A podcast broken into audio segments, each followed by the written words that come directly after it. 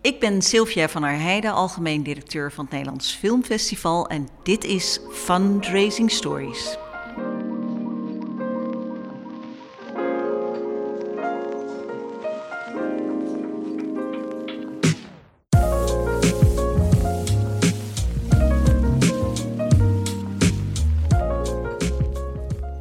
Hallo, dit is Fundraising Stories, een podcast van het vakblad Fondsenwerving. En ik ben Petra Hogewerf. Vandaag zijn we in Utrecht, in het hartje van Utrecht, vlakbij Neuden. En ik ben in gesprek met Sylvia van der Heijden, algemeen directeur en bestuurder van het Nederlands Filmfestival. Een zeer ervaren en bescheiden vakvrouw die haar sporen verdiende onder andere bij Stichting Julidans en de stad Schouwburg Amsterdam. En daarna manager werd bij de VPRO op het gebied van marketing. En samen met haar heb ik daar donatiebeleid opgezet. Dus ik weet wat ze kan. Daarom vind ik het leuk om vandaag van haar te horen hoe zij het Nederlands Filmfestival leidt.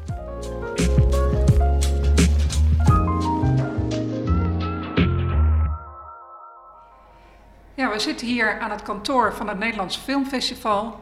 En tegenover mij zit Sylvia van der Heijden, directeur van het Nederlands Filmfestival sinds een jaar.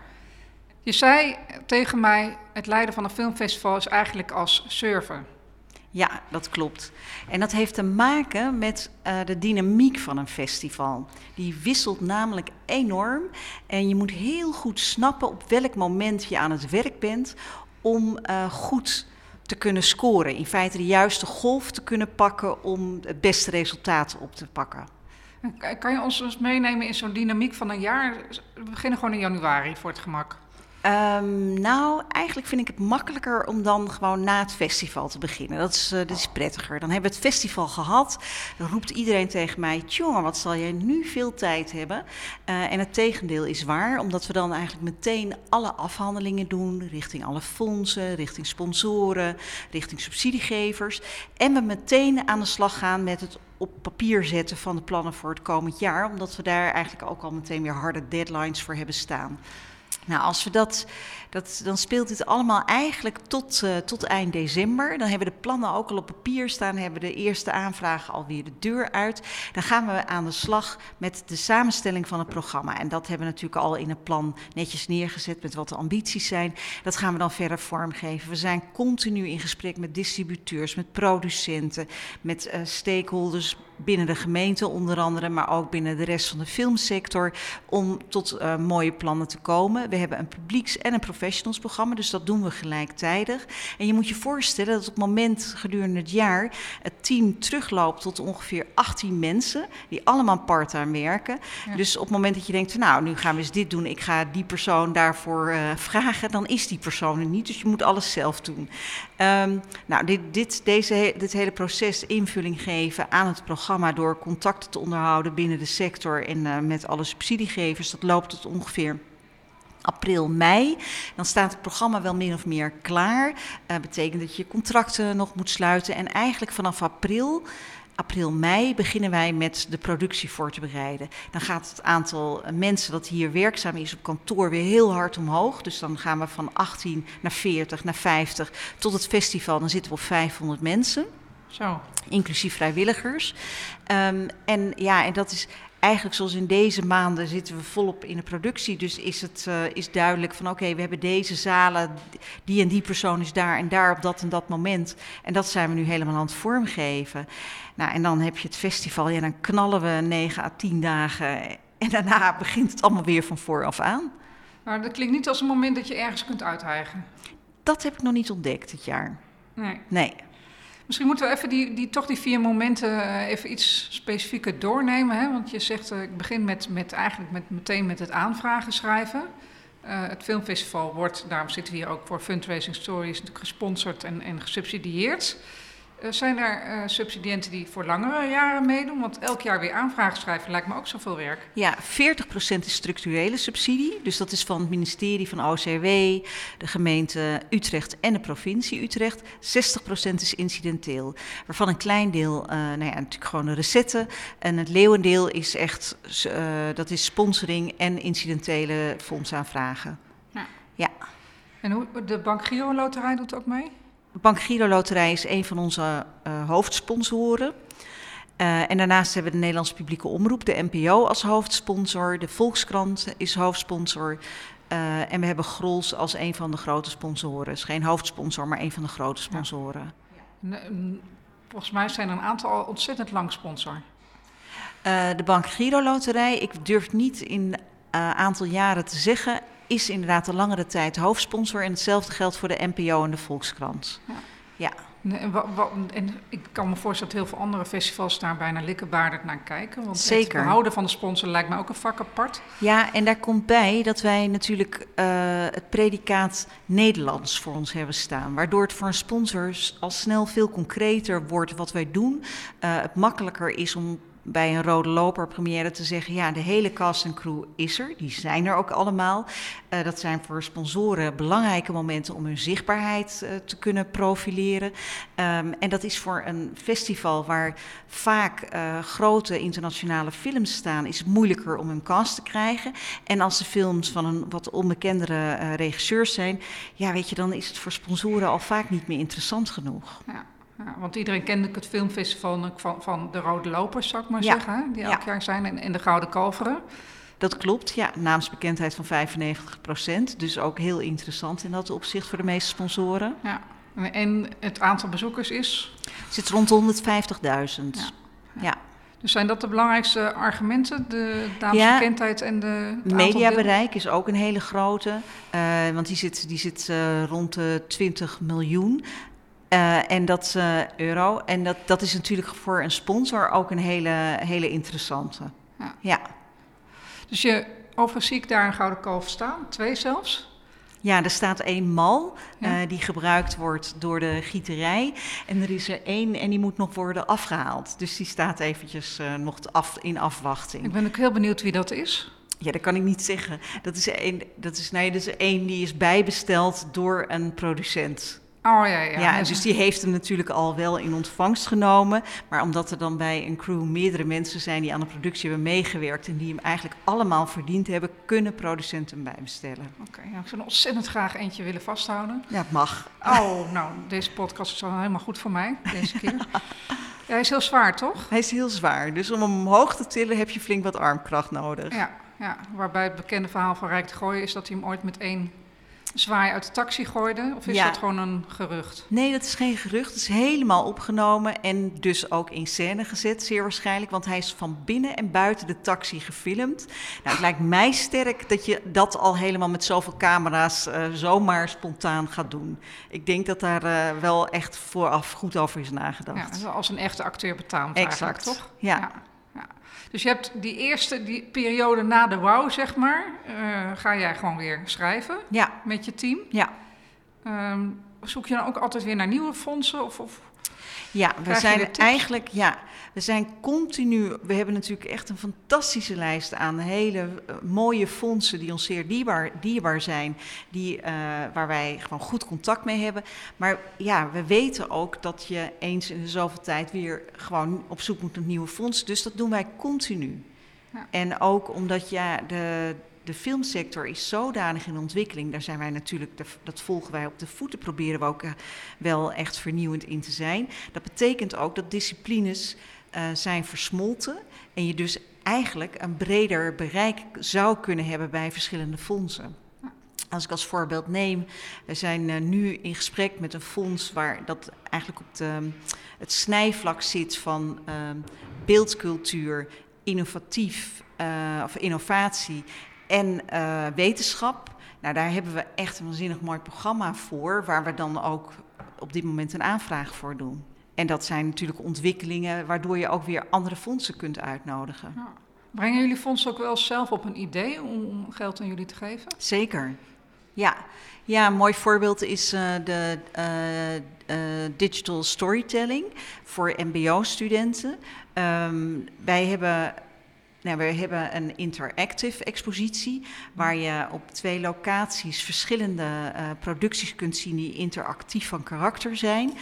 daarvan zagen wij dat gedurende de dagen dat, dat te zien was, dat er heel erg veel studenten op afkwamen. En met name MBO-studenten, die allemaal zeer geïnteresseerd waren, maar waarvan wij dachten, ja, daar zou je eigenlijk nog een stap aan toe willen voegen. Want deze kinderen zijn zeer wel in staat uh, om met social media om te gaan. En eigenlijk zou je ze hen dat uh, narratieve element graag mee willen geven. Nou, met die vraag zijn we naar Fonds 21 gestapt en die zagen daar meteen echt een goed idee in. En dat zijn we nu verder aan het uitontwikkelen. Ja. Ja, ik zeg zelf wel eens in de trainingen die ik geef over fondsenwerving, je kunt fondsen op een idee brengen. En zeker juist omdat fondsen ook vaak zitten te wachten op nieuwe ontwikkelingen in de samenleving. Ja. Dus ja. dat is hier eigenlijk een voorbeeld van. Ja, zeker. ja. En de, de, uh, we komen nu naar de tweede fase. Dan is het ongeveer december. Dan heb je de, zeg maar de eenjarige aanvragen ingeleverd. Ja. Ja, het, nee, dat loopt eigenlijk door tot en met het festival. Want al die deadlines zijn natuurlijk allemaal verschillend. Ja. Dus dat betekent dat wij, uh, nou, dat, dat is, we hebben een heel strak schema waarin al die deadlines staan aangegeven. En met elkaar uh, bespreken we dan wie welk deel schrijft en uh, waar we nog verder in planontwikkeling ja, verder moeten. Ja. En hoe kijk je aan tegen de sponsoring van het festival? Dat is een andere tak van sport. De, je hebt de Volkskrant, zei je, en de, uh, de NPO. Uh, ja, nou, en Gros uh, nu natuurlijk als grote sponsor en BGL absoluut. Uh, en BNN-Vara is als mediapartner en tevens sponsor ingestapt. Um, voor, ja, ik denk dat dat eigenlijk voor sponsoring in zijn algemeenheid geldt. Het gaat alleen maar als je een inhoudelijk partnership ook afsluit. Uh, want denken dat je je hand op kunt houden bij willekeurig welke sponsor, dat is gewoon niet meer van nu. En wij merken ook dat met de partijen die ik net noemde, daar hebben we gewoon zo'n inhoudelijke klik. Uh, dat je ook echt een stap verder kunt zetten. En dat je elkaar kunt verrijken in plaats van eenzijdig. De, de, partner stort geld en that's it. Dus daar is ook echt een, een goed inhoudelijk gesprek vindt daar plaats. Met wat voor mensen spreek je dan bij, bij die bedrijven? Eigenlijk vrijwel allemaal op directieniveau. Hm. Ja. Ja, het is vaak, je begint op directieniveau en dan komt natuurlijk uh, marketing uiteindelijk uh, aan tafel.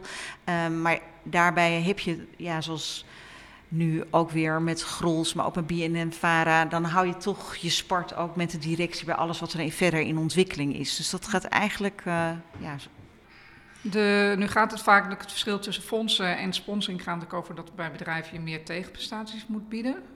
Ja. Is, maar ook daar is dus die inhoudelijke samenwerking van belang, zeg Zeker. Jij? Nou, het is makkelijker om die tegenprestaties te bieden op het moment dat je elkaar al inhoudelijk vindt. Dus um, Bijvoorbeeld bij BNN-Vara zijn ze enorm bezig met talentontwikkeling. Ze hebben de BNN-Vara Academy. Dat is een hele logische connectie. Ja. Uh, dus daarin um, ja, is het, zijn die tegenprestaties, die schrijf je echt binnen 10 minuten op. Omdat we gewoon wisten van ja, we zitten, we zitten gewoon op één lijn. En eigenlijk is dat met, uh, met Grols ging dat ook op een vergelijkbare manier. Dat door elkaar echt even goed te leren kennen, precies te snappen van oké, okay, dit is de strategie van Grols. Hier denken zij over naar. Hier zitten wij als festival. Grols wilde de verbinding nadrukkelijk met film hebben. Ook op die manier uh, weer net ander publiek aan zich verbinden. Daar kwalitatief hoogwaardig uh, ingaan. Nou ja, daar hadden we meteen eigenlijk een hele logische connectie. We zijn inmiddels nog steeds in dat ene jaar, hè? Uh, dus we zijn, je zegt, die hele aanvraagcyclus loopt eigenlijk misschien wel door tot aan het festival. Dus als, we zijn nu in de zomer van 2019. Stel dat ik nog een sponsor zou zijn, dan zou ik nog jou kunnen bellen en ja, zeker. mee kunnen doen. Ja, zeker. Het wordt natuurlijk steeds ingewikkelder, omdat je met de tegenprestaties je ook met elkaar afspraken gaat maken over welke vertoningen hebben we dan, uh, op wat is de zichtbaarheid. En wij inmiddels gewoon backdrops aan het produceren zijn, om maar iets heel concreets te noemen. Of uh, we weten aan welke vertoning welke sponsor zit. Dus dat, daarin wordt de ruimte dan wel minder, uh, minder groot. Ja. Maar ja, weet je, we zijn ook gewoon creatief daarin. En, en, hebben de sponsors onderling nou ook nog contact met elkaar? Hoe organiseer je daar nog iets voor? Nee, eigenlijk vrij weinig. We hebben uh, een van onze hele mooie en trouwe sponsors is Talenten en Pro. bedrijf uit Utrecht. daar organiseren wij ook een hele grote vertoning mee. Daar, zij hebben zelf dan weer bedrijven onder Talent en Pro die zij dan weer uitnodigen. En nou, dat is altijd een fantastische avond met, met al die partijen. In de, ja, in de, nou, dit jaar dan waarschijnlijk in Kinepolis, maar afgelopen jaren in de Schouwburg. Dus we, we, zijn dan in april, zeg je, dan komt er een tweede fase, komen meer mensen april, mei, ja. in beeld. Dat zijn ook allemaal professionals of komen dan ook wel de vrijwilligers? Nee, vrijwilligers is echt het laatste moment. Ja. Ehm, wij, uh, nou ja, dit, dit, zijn echt professionals. Dus dat zijn mensen die dan de premières coördineren, die de QA's coördineren, die echt onderdelen van een programma onder hun hoede nemen. Of bijvoorbeeld de dame die uh, persbegeleiding doet, die start in april en die begint het dan op te bouwen. Ja. ja. En wat vergt dat van jou als manager? Nou, dat, is, dat, ja, dat is precies die dynamiek waar ik over sprak. Je bent echt een ander soort manager voor 18 mensen of voor 500 mensen. Met 18 mensen ben je een heel klein bedrijfje waar je. Dat zijn mensen die ik gewoon in de twee, bijvoorbeeld in twee weken allemaal wel een keertje spreek of zie, waarmee je gewoon ja, persoonlijk contact onderhoudt. Met 500 mensen is het echt van volstrekt andere orde. En ben ik de directeur op een hele grote afstand. En dat betekent dat je in feite een ja, bijna militaire organisatie klaar hebt moeten staan. Van mensen die zelf leiding geven, die precies weten welke kansen uit moeten gaan lopen. Ja. En dan heb je ook nog een raad van toezicht boven je, sinds kort. Ja, ik, per 1 juli uh, zijn wij uh, raad van toezicht. En ben ik uh, algemeen directeur-bestuurder. Dus ja, rapporteer ik ook aan de raad van toezicht inderdaad. Ja. Dat is wat anders dus dan een bestuur. Ja, ik vind het zelf duidelijker, omdat natuurlijk de rollen veel duidelijker gedefinieerd zijn. En als bestuur zou je feitelijk elke dag op de hoogte moeten zijn van wat er hier rijlt en zeilt. Ja, dat is in de praktijk natuurlijk niet aan de hand. Ik heb met de voorzitter, nou laten we zeggen, eens in de twee, drie weken contact. Maar die heeft echt geen notie wat hier op een door de weekse maandagmiddag gebeurt. Nee, misschien weet jij dat als er 500 mensen hier werkzaam zijn ook niet. Nee, nee, daar vertrouw ik natuurlijk gewoon op mijn managementteam. Nou kennen we elkaar al een tijdje. Um, ik heb in het bestuur gezeten van jullie dansen. Toen werkte jij bij de stad Schouwburg. Um, daar was jij ook een van de pioniers op het gebied van fondsenwerving in de theatersector. Ja, dat klopt. Ik kwam, uh, ik kwam uit een uh, marketing-reclamebureau-omgeving. En ik dacht destijds bij de Schouwburg: God, jullie hebben echt goud in handen. Weet je, er liggen hier proposities waar commerciële bedrijven hun vingers bij afflikken, waar je gewoon meteen activatie aan kan verbinden. Waarom doen jullie er niks mee? Dus vandaar dat ik dacht van ja, dit, dit is voor jullie dans was dat op sponsoringgebied heel sterk. Um, en daarnaast hebben we bij de Schouwburg zijn we eigenlijk het particuliere donatiebeleid uh, op gaan zetten. En ook daar weer vanuit de gedachte lopen hier elke dag uh, bezoekers rond die heel veel terugkomen. Dat zijn mensen die het gebouw en de programmering een warm hart toedragen. Daar kun je best extra geld aan vragen, want voor hen is het een soort ja, um, Huis? buurtenhuis, zou je ja, bijna kunnen zeggen. Um, en dat, nou, dat bleek inderdaad ook. Ja. Nou, jij hebt mij ook nog een stoel afgetroggeld destijds. Dus oh, er ja? staat ook nog een stoel. Ik weet niet hoe lang die stoelen bestaan, maar er staat nog een stoel met mijn naam in de Schouwburg okay. in de Rabobank staan. Ja. ja. En hoe lang gaan die stoelen mee, weet je dat nog? Dat weet ik niet meer. Nee, het is al zo lang geleden. Ja. Het zal ongetwijfeld een andere naam op staan, denk ik. denk ik het ook wel, ja. Dat heb jij acht jaar gedaan, de Schouwburg? Zes jaar. Ja. En daarna ging ik naar de VPRO. En uh, nou, dat was minstens zo interessant, want de VPRO heeft tientjesleden. En uh, uh, de budgetten liepen steeds harder terug. werd enorm bezuinigd op de publieke omroepen. De, nou ja, Halbe Zijlstra heeft er hard ingehakt uh, bij de publieke omroepen. En um, het mooie daarvan is ook dat je daardoor ook creatief wordt in wat gaan we dan doen. Ja. En eigenlijk heb, hebben we met de directeur toen afgesproken... we gaan ervoor zorgen dat de vereniging gewoon zijn inkomsten gaat verhogen. En daar zijn we in ik denk dat het niet eens vijf jaar is geweest, heb het gewoon verdubbeld. Door inderdaad een donatiebeleid op te zetten en daar ja, uiteindelijk zeer gedifferentieerd mee om te gaan. Nou ja, dat, dat, dat was een uh, waanzinnig goede zet. Van hele trouwe kijkers, loyale leden die echt er heel veel voor over hadden, zodat de VPRO zou blijven bestaan. Ja. Ik herinner me nog dat we dat aan het begin ook hebben getest. Hè? Dus dat uh, de hypothese was dat uh, we dachten dat die trouwe luist luisteraars en kijkers helemaal geen extra geld wilden doen. Ja. Uh, en dat we, toen zijn we drie verschillende brieven gaan testen. Conform de, de echte direct marketing brieven met onderstrepingen en PS'en en dergelijke. Maar die, dat vonden de, de VPRO-leden helemaal niks, herinner ik me nog. Nee, nee die waren uiterst streng daarin. En dat, dat is wel echt. De VPRO heeft een eigen toon. Ja. En um, dat betekent dat je op het moment dat je mensen om extra geld gaat vragen, extra giften, moet je heel dicht op die toon gaan zitten. Um, en dat betekent dat wij, nou, de, de, het testen van de brief is gewoon doorgegaan. Dat gebeurt nog steeds als ik het goed heb. En dat betekent dat je daarin echt heel goed moet luisteren naar wat de bestaande leden, kijkers te zeggen hebben erover. om zo hoog mogelijk resultaat te halen. Ja. Nou, en die resultaten waren echt enorm. Ja, we zijn uiteindelijk ook begonnen met eh, telefonische marketing. En daar hadden we conversies van 30% Dat was echt krankzinnig. Ja, 30% conversie, dat is enorm als je Ja. het in fondsenwervende termen be- Precies. bekijkt. Hè? En dat wijt je dan aan die, de betrokkenheid, maar ook denk ik aan dat het zo'n maatwerk was op de leden. Allebei. Ja. We zijn uiteindelijk met een telemarketingbureau in zee gegaan voor die telefonische eh, werving. Die heel erg, of dat heel erg goed bij de VPRO paste. Er, zaten, er waren in totaal drie, drie tot vijf vaste medewerkers die wat ouder waren, die, eh, waarmee een goed gesprek gevoerd kon worden, die heel erg goed snapten wat de VPRO allemaal inhield, eh, zodat een gesprek ook echt adequaat was en paste bij degene die, die mensen aan de telefoon hadden. En we, we hebben dat ook, we hebben dat echt nauwgezet getest, omdat we wisten hier, dit kan, je, dit kan je niet meer goed doen. Als je één keer fout gaat, dan heb je voor eeuwig dat stempel op je. Ja. Ja, En er was ook wel een beetje weerstand intern, toch? ja maar toen mensen zagen wat, eh, wat het opleverde, toen was die weerstand vrij snel weg. Ja. Ja, Dat is natuurlijk een hele mooie schat aan ervaring die je meeneemt. Met, eh, ja, echt uit de culturele eh, praktijk heb je altijd gewerkt. ja. En nou denk ik toch dat dat filmfestival veel commerciëler is. Ook met sponsoring erbij. Dus Ja, dat, ik, ik vind het eigenlijk wel meevallen. Hm. Omdat nou ja, de, de filmsector zegt van zichzelf dat ze heel commercieel is.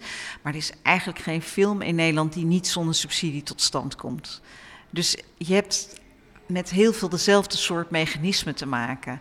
En ik denk bij sponsoring, wat ik net ook al zei over, dat over mijn achtergrond in reclame- en marketingbureaus, dat je daarin, eh, en dat merk ik ook in de gesprekken, als je snapt wat die ander beweegt, dan kun je zo ver komen. Ehm, en dat is een wet die, over, ja, die, die doet eh, overal eh, opgelding. Ja. De- wat mij dan wel fascineert is, de, jij komt, je bent dus eigenlijk commercieel opgeleid. Hè? Je, hebt, je hebt meerdere studies gedaan, eh, later ook nog MBA. Eh, en dan kies je voor die culturele sector. Wat, wat is jouw bevlogenheid daarin? Nou, ik kan denk ik echt alleen maar iets doen waar ik zelf helemaal achter sta. Dus als ik ditzelfde zou moeten doen ja, voor een bedrijf waar ik me niet thuis voel of met een product waar ik niet zoveel mee heb, dan zou het voor mij echt onmogelijk worden. En waar komt dat vandaan, die bevlogenheid met de cultuur? Is dat al uit je jeugd ontstaan? Of? Ja, ja, dat is echt al zo lang als ik me kan herinneren. Dus ehm, ik weet wel dat er op de middelbare school was er een toneelclubje. Daar werd een anderhalve man en paardenkoep lid van. Dan gingen we naar allemaal moeilijke stukken in eh, Theater de Flint in Amersfoort, waar ik eh, woonde. Nou, ik zat er overal. Ik vond het allemaal geweldig. En het gold voor films ook. Het is, het is eigenlijk van meet af aan... eh, ehm, heeft dat erin gezeten. Ja. En speelde je zelf ook? Of? Nee, nee, eigenlijk niet. Eén keer, twee, ja, twee toneelstukken, maar voor de rest eigenlijk niet. Nee, Dus je hebt eigenlijk altijd aan, aan de... passief gebruiker. Ja. nou ja. En het mogelijk maken passieve van- vorderaar, volgens Ja, een actieve precies. vorderaar. Ja. Ja, ja. Dus je zegt eigenlijk, eigenlijk pas ik als een vis in het water, ook in deze verschillende culturen die er in de cultuur zijn. ja, absoluut. Ja. Werkt VPRO ook nou nog samen met het Nederlands Filmfestival? Nee, Dat was VPRO is mediapartner geweest. Ja. En eh, nou, we hebben natuurlijk producties van de VPRO tijdens het eh, festival. Maar de VPRO is geen mediapartner meer. Nee, Zo gaat dat. ja, zo gaat dat. Ja. Ja. Maar je hebt een mediapartner keihard nodig, denk ik, hè, bij zo'n festival. Ja, en dat is natuurlijk in principe de NPO al. Maar we zijn heel blij dat PNN-Vara daarbij is aangesloten. Ja. Waar ik nog even op wilde ingaan is eigenlijk het uh, filmbeleid aan zich. Want filmmakers die, die zijn eigenlijk ook tegenwoordig fondsenwervers, is het niet? Zeker, ja. Nou, dat, dat zei ik net al. Ik, ik hoor gewoon nu uit de praktijk ook hoe lang het duurt voordat er een budget beschikbaar is om een film te maken. Dat mensen echt tien jaar met een film bezig zijn, alleen al om het geld voor elkaar te krijgen, uh, voordat er überhaupt nog iets gedaan uh, is.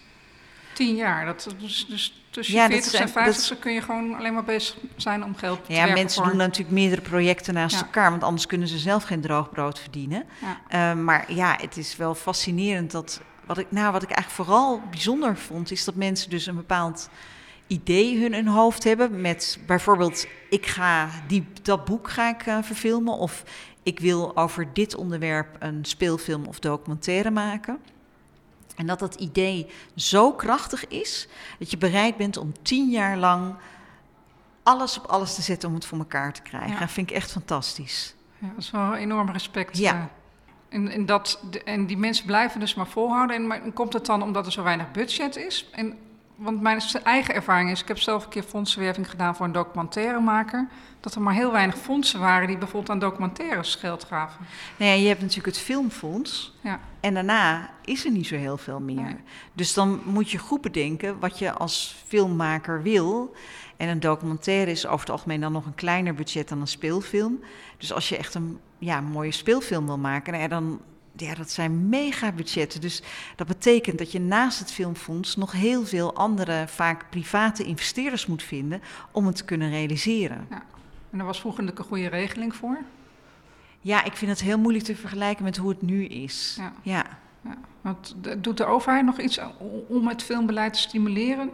Absoluut, maar daarvoor is het Filmfonds natuurlijk. Dat is een van hun instrumenten om het filmbeleid te... Maar een fiscale regeling, is dat Ja, er zijn allerlei fiscale regelingen. Ik, ik ben geen directeur van het Filmfonds, dus ik weet niet precies hoe die eruit zit, zien. En er is een co-productieregeling die heel uh, populair is en uh, veel resultaat oplevert. Dus dat betekent dat je als er geproduceerd wordt in samenwerking met andere landen, dat er dan ook weer een incentive geldt. Dus er daarin uh, ja, is best wat mogelijk.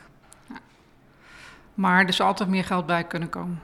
Ja, dat is voor de hand liggend. En tegelijkertijd vind ik ook wel mooi dat binnen de filmsector ook de vraag wordt gesteld: maar zijn we er dan echt met veel meer geld?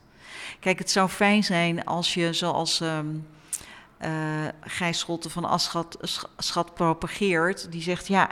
Die binnen een foto die achter Ja, die acht, precies. Die, um, die zegt uh, uh, binnen de toneelsector krijgt een gezelschap voor vier jaar geld. Dus ITA heeft vier jaar geld. Of Nationaal Toneel vier jaar geld.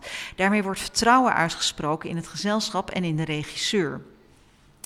Een filmmaker of regisseur, iemand als Alex van Warmerdam bijvoorbeeld, moet voor elk project weer opnieuw het hele circus door. Je zou ook kunnen zeggen: kijk, we vertrouwen Alex. We gaan ervan uit dat hij de komende vier jaar twee films gaat opleveren die echt zeer de moeite waard zijn. En daar gaan we hem nu geld voor geven. Ja. dat zou een optie kunnen zijn. Het mooie tegelijkertijd nu is, door hoe het is opgezet, dat ook jongere makers wel echt toegang kunnen krijgen. En makkelijker, denk ik, dan binnen de toneelsector. Ja, maar de, de, om, de, om een parallel daarmee te trekken, de, de, de, aan de ene kant zeg je, het zou misschien een model kunnen zijn dat je toch het vertrouwen geeft aan een aantal mensen die al bewezen ervaring hebben. En daarnaast gewoon geld geeft om, om ook talent te ontwikkelen. Ja, ja, nou ik blijf wel mezelf de vraag stellen of het echt gaat helpen om dan voldoende inclusiviteit en diversiteit te garanderen.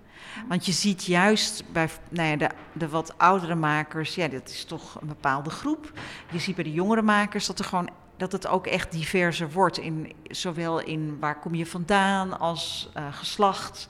Zijn uh, best veel vrouwelijke regisseurs die over het algemeen net iets jonger zijn. Nou, dat vind ik een mooie beweging. Ja, absoluut. Ja. Waarbij ik dan ook weer laatst las dat er dan weer in, in de, het spelen in de film ook weer heel weinig divers, te weinig diversiteit is. Ja, en dat komt langzamer zeker. Maar dat, um, het is een beweging die. Uh, die gaande is, die niet heel hard gaat, maar die echt wel komt. Dus ik was uh, twee weken geleden naar de Libi. Ik weet niet, nou, ga daar naartoe naar de Libi. Is gemaakt door Shady Al-Hamous. En uh, gaat over drie jongens in Amsterdam die een dag uit hun leven spelen. En dat zijn uh, jongens die afkomstig zijn uit Marokko, uit Egypte, uit Suriname.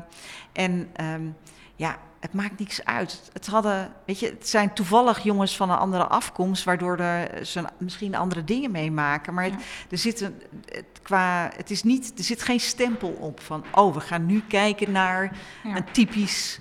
Dat, dat diverse zit, film. Exact. Ja. ja. het zou natuurlijk mooi zijn als het gewoon een soort de breedheid van Nederland laat en ik, zien. En ik zie die beweging langzaam maar zeker wel komen. Ja, ja.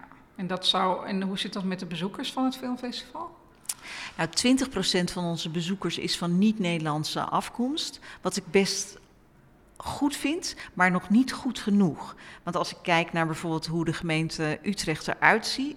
En als ik daar de representatie van zou, uh, zou willen hebben, dan zou ik er echt nog veel meer, dan zou het percentage veel hoger moeten zijn. Nou herinner ik mezelf nog dat ik student was en uh, ook in Utrecht studeerde. En wij mochten ook allemaal zelfs uh, gratis naar de film. Weet niet of dat nu nog is, maar dan zaten we ook op een gegeven moment 40 uur gewoon film te kijken, achter elkaar, achter elkaar door. En dan deden we ook wat vrijwilligerswerk. Uh, werken jullie ook nog heel veel samen met studenten nu? Ja, zeker. We hebben een heel groot educatietraject en talentontwikkelingstraject. Dus educatie gaat van primair onderwijs tot wetenschappelijk onderwijs. Uh, waarbij we voor, nou ja, eigenlijk waar jij op doelt, er worden colleges gegeven, er zijn filmvertoningen, er is een talentpas, echt bedoeld voor studenten die en voor MBO-studenten die gewoon tegen een gereduceerd tarief naar de film kunnen. Dus er zijn aan alle kanten mogelijkheden voor jongeren om uh, bij ons aan te sluiten. Ja, dat is jammer dat er niet meer voor onze leeftijd ook weer iets is, hè? Dat ik nu ook weer 40 uur naar de film zou kunnen. Nou, je kan nog steeds 40 uur naar de film, maar dus, ja, dan moet je kaartjes kopen, dat kan. Ja. Jammer nou. Ja. hey, jij bent nu uh, uh, volgens mij voor het eerst directeur. Ja. Hoe is dat? Ja, geweldig. Ja, het is heerlijk om ergens... Um, natuurlijk in afstemming met je raad van toezicht uh, gewoon de lijnen uit te kunnen zetten. Dat doe ik natuurlijk ook samen met mijn team. Maar wel echt te kunnen zeggen van oké, hier ga, dit gaan we doen. Ja. Een klap erop te kunnen geven. Ja. Ja, ik zie ook wel dat je ervan geniet. Ja, absoluut. Ja. ja. En ga je dit ook weer... Je uh, doet alles zo'n zes tot acht jaar, volgens mij. Ja, dat weet ik niet. Ja. Het is officieel zo dat het twee termijnen zijn van vier jaar. Ja. Um, en dat is ook, vind ik, heel gezond. Want je zet natuurlijk ook een bepaalde kleur neer als directeur. Dus dat je op een zeker moment besluit dat er weer iemand anders moet komen, prima. Um, ik heb nog geen idee. Ik heb het nu enorm naar mijn zin, dus uh, we zullen zien. En kan je iets zeggen over hoe je het, ja, wat je nog een ambitie hebt voor het festival of, of wat er uh, nieuw zou kunnen gebeuren onder jouw leiding? Nou ja, we, zijn, we hebben heel nadrukkelijk gezegd, we zijn een platform voor de Nederlandse filmsector. Er is um, zoiets als een professionals-programma. Uh, daar hebben we eigenlijk al vanaf vorig jaar uh, zijn we dat steviger gaan neerzetten. Ook door het organisatorisch beter te borgen. Daar meer mensen mee aan het werk te zetten. Conferentiedag te organiseren. Drie dagen rondom talentontwikkeling en expert meetings. En dat gaan we nog veel steviger neerzetten. En de gedachte is. We kunnen alleen maar festival zijn dankzij al die professionals. Op het moment uh, dat professionals het festival verlaten, dan zijn wij echt lost. Dus we willen ze heel graag aan ons binden. Uh, dat doen we onder andere door zo'n professionals-programma. En, het, en dan, nou ja, we zien nu eigenlijk al dat het door de week uh, heel prettig samenwerken is met uh, makers, producenten, et cetera. Ja. ja. En daar begint het festival daarmee dan ook nog veel meer te lijken op festivals zoals die uit, uit andere uh, buitenlanden, zou ik maar zeggen. Ja, eigenlijk is het best een uniek festival, omdat we alleen maar product van Nederlandse bodem tonen. Ja. Dat betekent dat wij niet zoals het uh, Rotterdams, het, het, Internationaal Filmfestival Rotterdam of het ITVA kunnen kiezen uit een bak van 4000 films die uit overal ter wereld uh, langskomen. Maar wij moeten, wij moeten het echt hebben van wat er hier gemaakt wordt. Um, en daarmee ja, heb je sowieso echt een hele andere positie. Een krachtige positie. En wordt ook onderkend op die manier door zowel ministeries, provincie als, uh, als de gemeente, omdat we zo'n belangrijk platform zijn. Ja, ja. Nou, we hebben natuurlijk een tijdje gesproken over uh, de sponsoring, de media partnerships en dergelijke. Ehm, maar je hebt vast ook allerlei uh, kleine bedrijven die, die iets willen met het filmfestival. Ja, dat een ondernemersclub heb je, neem ik aan? Ja, dat is echt heel leuk aan Utrecht. Het is natuurlijk niet zo groot als Rotterdam of als uh, Amsterdam.